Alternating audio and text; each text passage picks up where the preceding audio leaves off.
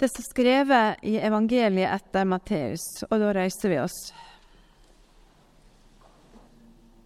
Anden førte Jesus ut i øydemarka for at djevelen skulle freiste han.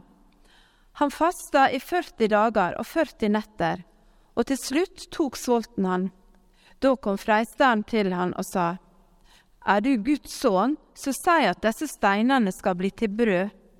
Jesus svarer, Det står skrevet, Mennesket lever ikke av brød alene, men av hvert ord som går ut fra Guds munn.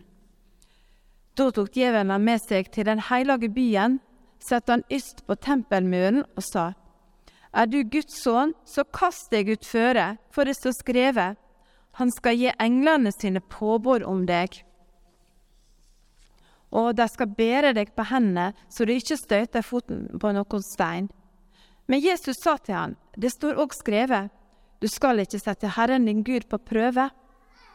Så tok djevelen med seg opp på et svært høyt fjell, og synte han alle rika i verden og deres herligdom, og sa, Alt dette vil jeg gi deg om du faller ned og tilber meg. Men Jesus sa til han, Vekk med deg, Satan, for det står skrevet, Herren din Gud skal du tilbe, han og ingen annen skal du tjene. Da gikk djevelen fra han, og sjå, engler kom og tjente han. Slik lyder det hellige evangeliet. Teksten i dag er helt perfekt til å bli kjent med Jesus, eller bli bedre kjent med han. Så hvis du på en måte blir kjent med Jesus for første gang i dag, så er dette en veldig god tekst å gå til.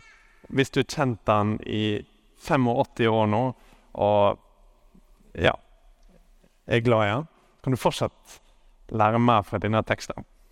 Det som skjer her, er at i starten av Jesus sitt virke, i starten av at Jesus kommer det han kom for å gjøre, så blir han satt under stort press. Eh, som dere ser, Bare ha arket foran dere, så dere kan se på tekster.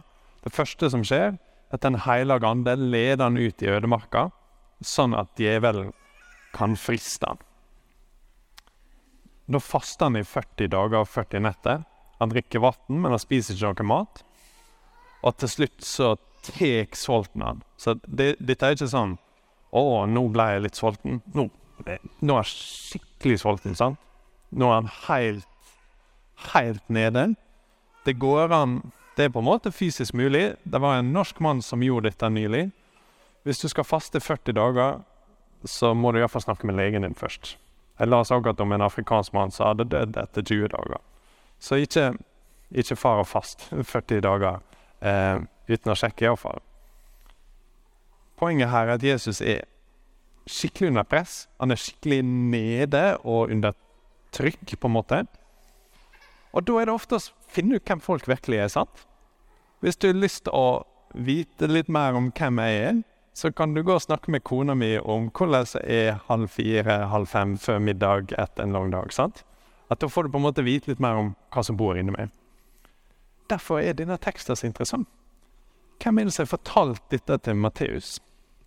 Hvordan er det han veit hva som har skjedd? Det eneste som er her, er Jesus og djevelen. At djevelen har ikke fortalt dette, på en måte. Her får vi høre hvordan Jesus oppsummerer noe av det første som skjedde med ham da han var under skikkelig trykk ute i ødemarka.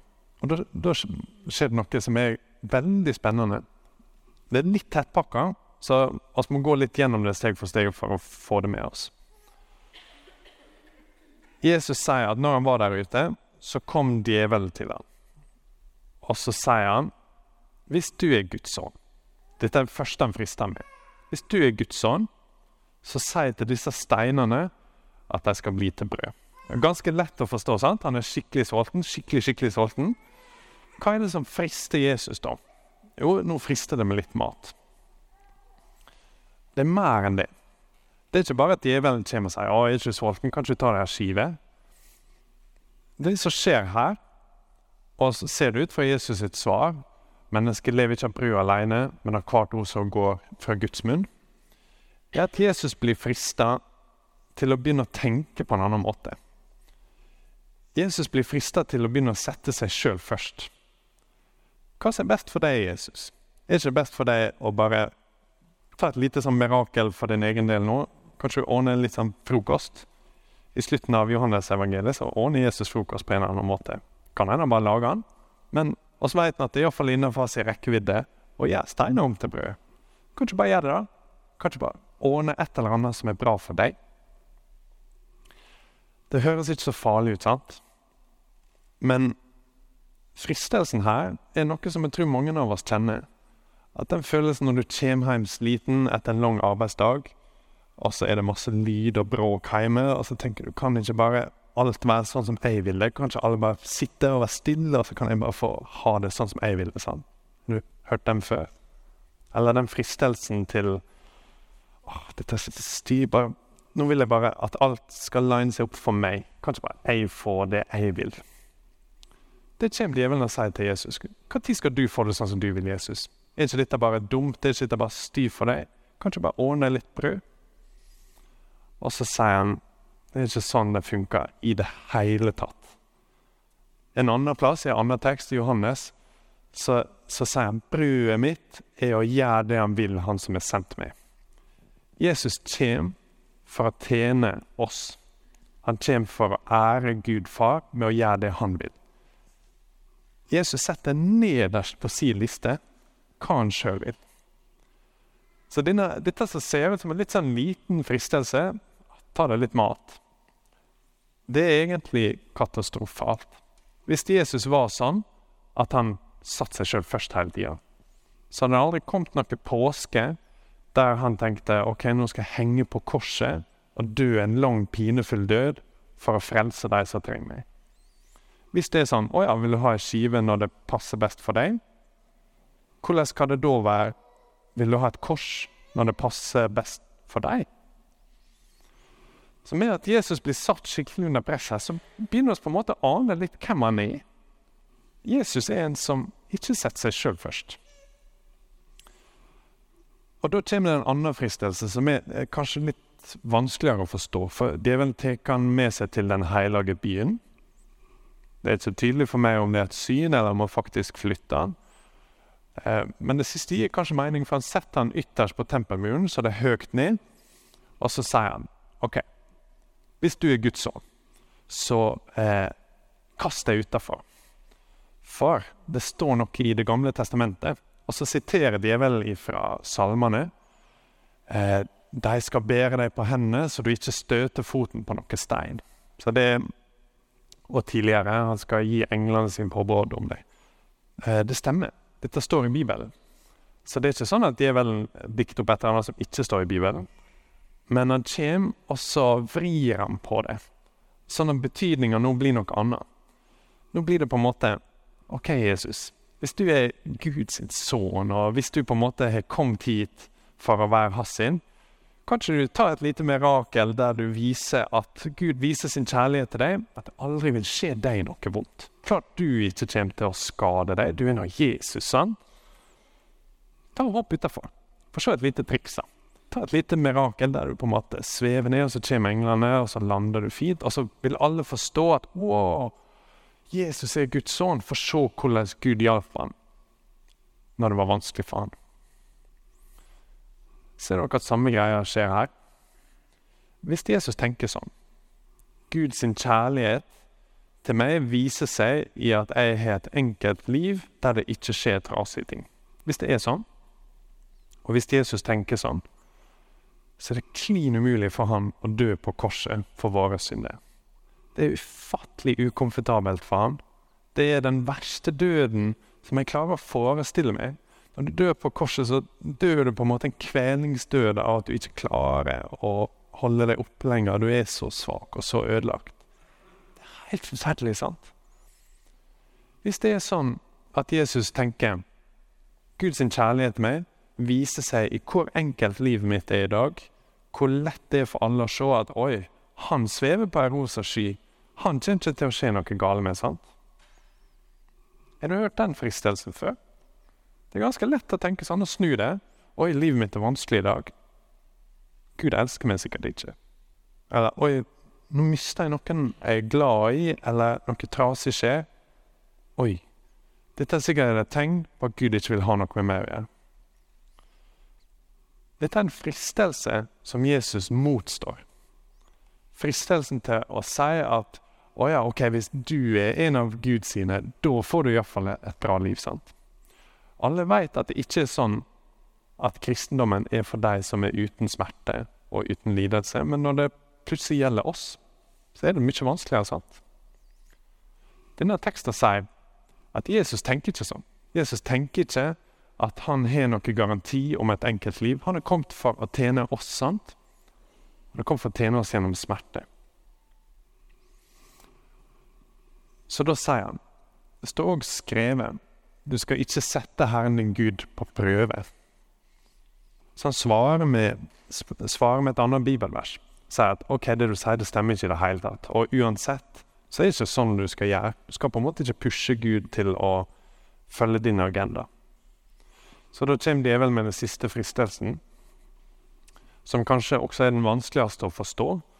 Hvorfor frister dette Jesus, liksom? Han tar med seg opp et svært høyt fjell. Og så viser han eh, alle riker i verden. Og her tipper jeg å se for oss et syn. At Jesus på en måte ser Romerriket. Kanskje han ser Vesten i dag. Kanskje han ser Ukraina og Russland, sant? Og så sier djevelen OK, hvis du bare tilber meg, så skal du få styre. Da skal du få styre alt dette. Alle vet at du kommer til å være en masse bedre leder. Tenk hvis Jesus styrer Romerriket? Tenk hvor masse bra han kan gjøre. Tenk for en fred han kan ordne i løpet av et par-tre uker. Tenk alle krigene som ikke hadde blitt Hvis det var Jesus som styrte Tyskland på 30-tallet, sant? Det var helt annet. Så det er lett å se for seg at Jesus kanskje faktisk kan være frista av dette. At han kan gjøre en så masse bedre jobb. Han kan ordne alt. Alle riker i verden og all deres herligdom. Hvis folk bare så Jesus styre Tenk hvor mye bra det hadde blitt. Dette er noe Jesus avviser som en fristelse. Han sier 'vekk med deg, Satan'. For det står skrevet 'Herren din Gud skal du tilbe', han og ingen annen skal du tjene. Så dere så det som var på en måte eh, fristelsen der. Hvis du tilber meg, så skal jeg gi deg dette. Jesus er nødt til å slutte å tilbe Gud far og begynne å tilbe djevelen som Gud. Så skal han liksom få herske som djevelen sin utsendte. For oss kan dette virke som en god idé. sant? Oi, så flott hvis Jesus bare styrer. Hvis Jesus bare kommer og ordner alle problemene våre på den lette måten. sant? Men det dumme her er at alt er nødt å bli ødelagt først. Hvis Jesus slutter å være den som gjør det far vil, den som følger Guds plan, den som kommer for å frelse oss, og heller bare skal herske over oss, så er ikke det noe håp for oss. Dette vil være det endelige å slukke lyset for alt håp. Hvis Jesus kommer for å på en måte enkelt ordne våre problemer i dette livet, så kommer ikke han for å ordne våre problemer i det evige livet. Hvis Jesus kommer sånn, for å herske som djevelen sin utsendte, så kan ikke han dø som den som Gud sender i vårt sted for å dø for våre synder. Det kan virke nesten litt rart at det er fristende for han i det hele tatt. Men oss lærer litt om Jesus her. Jesus føler med oss i all vår smerte. sant? Når han ser at han har det vondt i dette livet, ting som han kunne ordne, så er ikke det lett for han. Han er frista til å finne en eller annen lett utvei men han har bestemt seg for å gå for den store løsninga. Den som kan gi evig liv og evig håp. Jeg håper at dere ser litt mer om hvem Jesus er i denne teksten. Jeg får iallfall en følelse av at jeg får på en måte smugkikke litt inn i Jesus. Når jeg ser hva det er som legger press på han, og hva som frister han. En del av disse tingene er ganske kjent for oss med, sant? Oss med kan kjenne oss igjen i oh, jeg har lyst til å sette meg først, og jeg har lyst til å ha ting sånn som jeg vil. Men nivået her er helt annet. Jesus skiller seg ut her ifra alle oss. Han skiller seg ut fra alle i Bibelen. Jeg har ikke sagt noe om det, men en av grunnene til at dette er på en måte en sånn eh, bibelkamp, holder på å slenge bibelvers fram og tilbake, er at Jesus konsekvent siterer to vers i Det gamle testamentet. Så han tar to, eh, to kapittel sorry, fra femte Mosebok, der israelsfolket Guds folk i Det gamle testamentet står klar til å gå inn i det lova landet. Så de står liksom akkurat og bikker på å gå inn i det Gud har lovt dem. Og så faller de for alle disse fristelsene. Så velger de brød foran Gud. De velger på en måte sin enkle vei foran Guds vanskelige vei. Og de velger at de vil ha masse makt og styre, i stedet for å gå stegene nedover til den store seieren der nede som Gud hadde planlagt. Så kommer Jesus, og så får han det til. Han gjør akkurat motsatt. sant? Her er de tingene som alle til nå i Bibelen har svikta på en eller annen måte. Alle oss har svikta på en eller annen måte. Det kommer Jesus og får til. Han kommer, og så står han i fristelsen. Så går djevelen fra han, og så kommer engler og tjener han. Da får han skiva si, sant? og da får han eh, litt mer å drikke. Og så begynner han på oppdraget sitt, der han fortsetter på samme måten. Han fortsetter med å tenke på oss først. Det er ikke sånn at han nå er ferdig med å tenke på oss først. Han er sånn.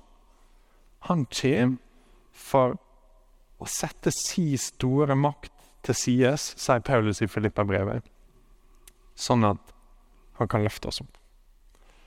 Hvis du bare blir kjent med Jesus i dag, eller hvis du kjent han hele livet, få med deg denne tingen.